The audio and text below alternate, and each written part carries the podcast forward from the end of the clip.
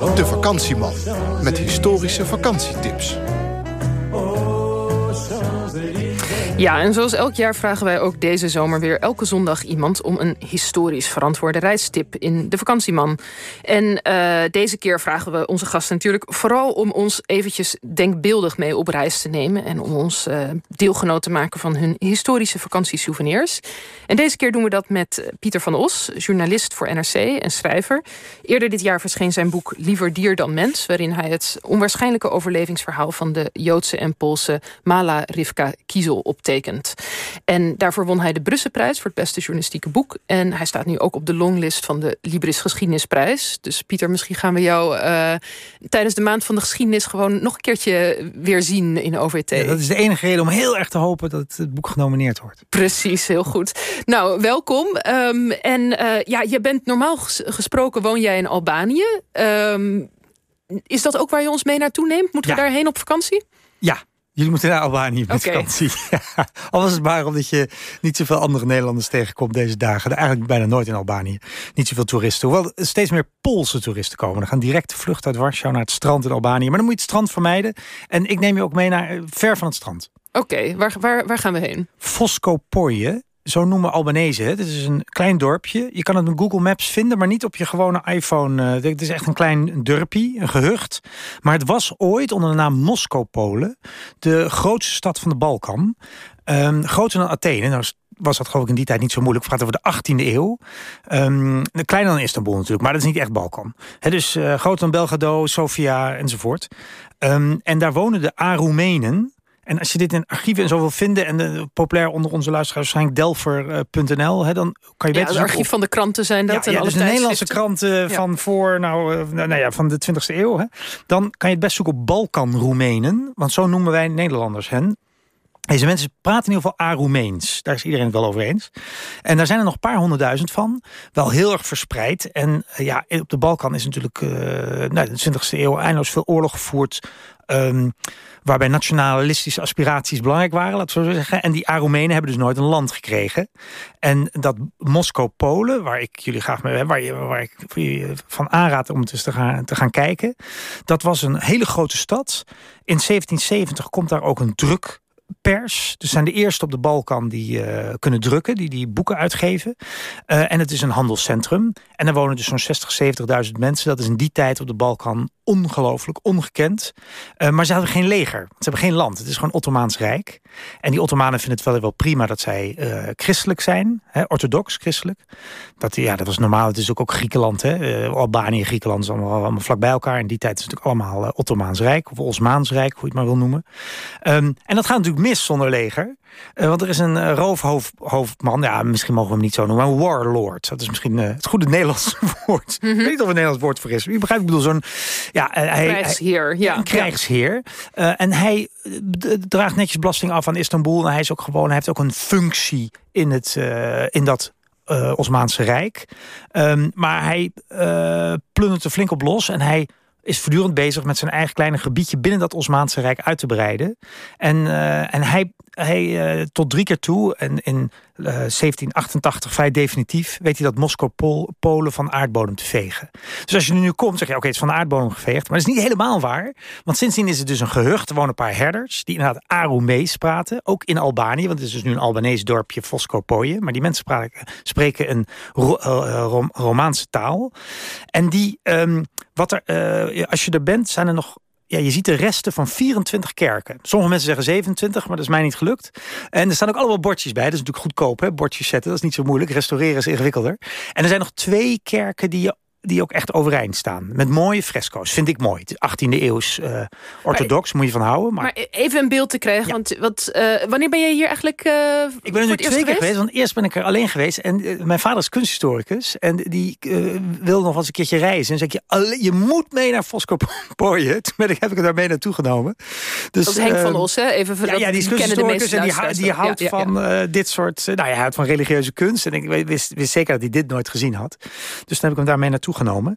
Um, dus ik ben er inmiddels twee keer geweest.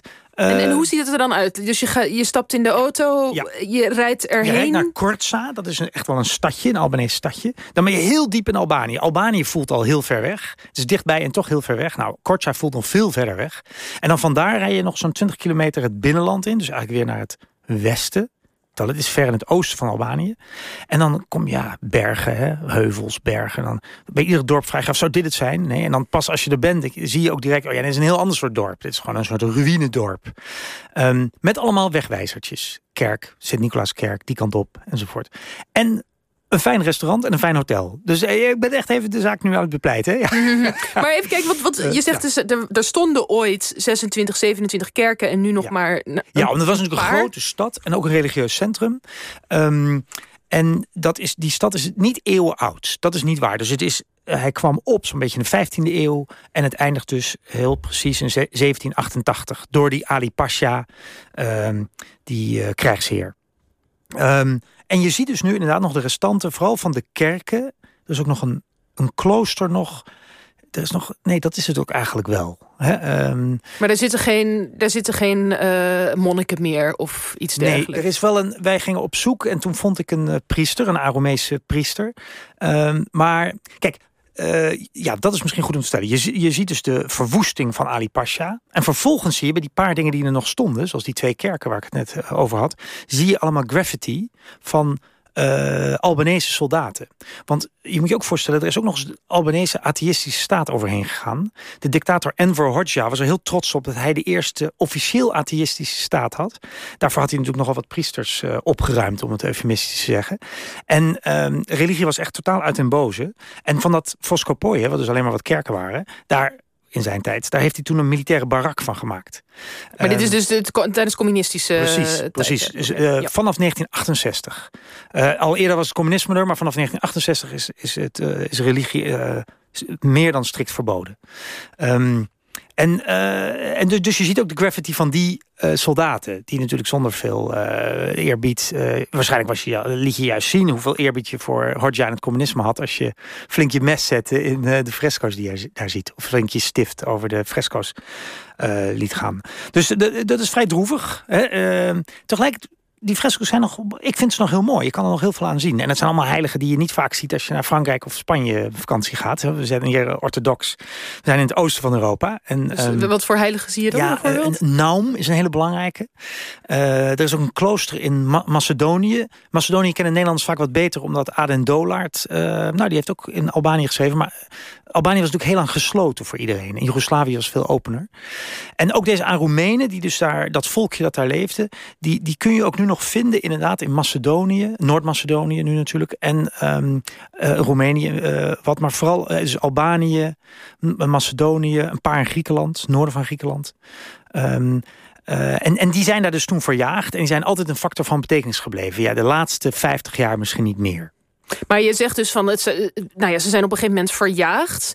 Maar ze zijn er dus nog wel? Of is het een soort van uitgestorven cultuur? Of hoe moeten we dit zien? Het is, nou, UNESCO, ik heb vanmorgen nog even gecheckt. UNESCO zegt dat die taal uh, zwaar bedreigd is. Dat is ook zo, maar er zijn nog wel meer dan 100.000, misschien wel meer dan 200.000 mensen die het spreken. Dat is ook heel grappig. Er is een Nederlander die uit de contraille komt. Maar het is gewoon helemaal een Nederlander. Stefan Popa, hij schrijft ook in het Nederlands, een schrijver. Die heeft een boek geschreven Of de oleander de winter overleeft. En dat speelt zich helemaal af in een klein dorpje in Noord-Macedonië, Krutsuva, waar ze dus Aromees spreken. En ook een, een Aromese feestdagen vieren. En het is in dat opzicht wel een volk. Het, het had dus eigenlijk alles om een land te worden, behalve een leger. dat is waarom hebben ze dat dan niet gedaan? Ja, Wat is dat niet gelukt? Maar nou ja, dat, is, dat, dat is toch wel interessant. Ik bedoel, zij zitten daar in, in die regio. Ja. Ja. En het, het, gaat blijkbaar heel goed met ze. Heel welvarend stadje. Ja. Centrum in de regio. Ja, en, en dit hebben ze ja. ze worden dan verjaagd. En misschien ging het iets te goed met ze. Want toen gingen ze in Kortza zitten. En in de 19e eeuw waren ze daar zo machtig... dat ze eigenlijk het Albanese nationalisme hebben uitgelokt. Dit is wat... Dit klinkt allemaal heel abstract, maar je, begrijpt ik bedoel. Waarschijnlijk, er zijn een paar intellectuelen... we praten echt over heel weinig mensen... Uh, die juist de Albanese taal op de kaart willen zetten. Die die is dan nog niet op schrift verschenen. De Aromees ook niet. En wanneer, wanneer hebben we het De 19e eeuw, ja. alles gebeurt een stuk later in, uh, op de Balkan. Deed, ik woon er nu twee jaar. Het duurde even een tijdje voordat ik dat door had. Dat je dat al een beetje anders moet plaatsen. Dus ook nationalistische aspiraties zijn van veel later. En, en juist omdat deze Aromese christenen zo machtig waren in Korça... werden Albanese moslims um, ontwikkelden een eigen uh, nationale identiteit. En ook een nationaal streven. Of nationalistisch streven, hoe je het wil noemen. Um, dus, dus die gaan er wel voor. Maar Albanië komt ook pas op de kaart in 1913. Uh, dat is voor een andere uitzending ook fantastisch. Want er komt nog een Nederlandse, half Nederlands-Duitse vorst aan te pas. En de eerste Nederlandse vredesmissie in Albanië. Ook totaal mislukt. He, dus zoals dat hoort met internationale vredesmissies. Maar die Aromenen weten dan dus niet een land uh, voor elkaar te krijgen. Ze hebben het nog wel even uitgeroepen in een van de twee wereldoorlogen. Dat gaat ook helemaal mis. He, dan moet je ook altijd een beetje collaboreren, uh, collaboreren met de een of de andere kant... die dan misschien toch niet wint. En, nou ja, je voelt aan dat... Maar de Albanië, uh, Albanië is dat dus wel gelukt. De Albanese is het wel gelukt. En de Aromenen is het niet gelukt. Daar komt het eigenlijk neer. En als je nou zou moeten zeggen van wat is daar verloren gegaan? Ik bedoel, het voor, ik moet eerlijk zeggen, voor mij is het moeilijk om te zeggen, al in te beelden van hoe, hoe, wat is de Albanese cultuur, wat maakt dat uniek? Maar wat is nou deze cultuur waarvan je zegt van god, dat is nou echt eigenlijk fascinerend? Ja. En wat jammer dat dat Extreem goede vraag. Het probleem met echt goede vraag is dat het antwoord heel lastig is. Ik stelde deze vraag de hele tijd aan de tweede keer... of de eerste keer dat ik er was, sorry... ging ik met een Albanese Aroemeen. Mm Dus iemand die gewoon Albanese staatsburger... maar die heeft Aromese voorouders. En hij beweert dat hij de taal nog kan. Ik weet helemaal niet of dat echt helemaal waar is... want toen we een paar van die mannen tegenkwamen... ging het heel moeilijk. Maar zijn vader kan het in ieder geval heel goed. En die is... Um, die is ja, die kan dat ook slecht beantwoorden. Ze waren wel eerder met heel veel. Ze waren dus na de eerste met een drukpers, uh, daar op de Balkan. Um, dus ook eerder uh, hebben ze een paar bekende schrijvers afgeleverd. Um, maar wat er echt aan verloren is gaan is moeilijk. Ook omdat het een handelsvolkje was. En ze dus toen na die... Uh, vernietiging van het Moskou-Polen, hun centrum, zijn ze ook verspreid over landen. En ze hebben zich daar altijd als minderheid, als handelende minderheid uh, overeind gehouden. Handelaars en herders. Mhm. En die herders zitten dus nog, nog daar rond dat Moskou-Polen. Uh, en overal op de Balkan kan je... Ze worden door anderen wel vaak vlaggen genoemd. Misschien is dat goed voor luisteraars. En denken ah, vlaggen, dat zijn het. Dat zijn dezelfde. dat er dan nog bij iemand een belletje gaat ringen. Ja, ja maar dat is een ja. e e exoniem, weet je wel. Zo, zo, noemen ze zichzelf niet. Dat is ja. een, een, soort van scheldwoord. Nee, maar wat, wat, daar moet ik uh, uh, eigenlijk nog achter komen. Ik vind zelf die kerken zeer interessant... maar ik durf niet te zeggen dat ze uniek zijn. Omdat die Oosterse traditie veel minder particularistisch is dan wat wij in West-Europa gewend zijn. Het lijkt allemaal behoorlijk op elkaar. Mount Athos, laatst de berg Athos in Griekenland. Mm -hmm. Die kloosters die daar staan, dat lijkt heel erg op wat die Aromenen uh, bouwden in deze contraien. Dus in hetzelfde Byzantijnse Rijk, later Os uh, Osmaanse Rijk, Ottomaanse Rijk. Waar ze toch wel gewoon voort konden leven uh, als gemarginaliseerde minderheid. Ja, oké. Nou, ik denk dat uh, we moeten. Wat is er eigenlijk verder nog in de omgeving te, te zien en te doen? Heel ja, kort, kort, als, je, als je al die geruineerde ja. uh, kerkjes hebt bezocht. Ja, dat kort zijn. Als je heel goed kan skiën, kan ik niet. Maar als je heel goed kan skiën, kan je zonder liften. Mm -hmm. En dan kan je daar prima skiën. De, uh, die man met wie ik weet was, is ook Albanië is een heel klein land. Is ook president van de, of de voorzitter van de Albanese skibond. Of de ski, en die is bezig met afgekeurde liften uit Oostenrijk. Dus ik weet niet zeker of je daar mee naar boven wil laten trekken. Maar je kan er fantastisch skiën als je dus goed genoeg bent om zonder lift de berg op te klauteren. Oké, okay, prachtig. Nou, wie weet uh, dat onze luisteraars hier ooit een uh, gevolg gaan geven. Als dat zo is, schrijf ons dan alsjeblieft een mailtje. Want ik ben eigenlijk wel benieuwd of iemand uh, deze reistips ooit gaat opvolgen. Ja, Pieter ja, van Os, heel erg bedankt voor je komst. En ehm, volgende week neemt de vakantieman ons mee naar een Bijbelsmuseum in Kentucky.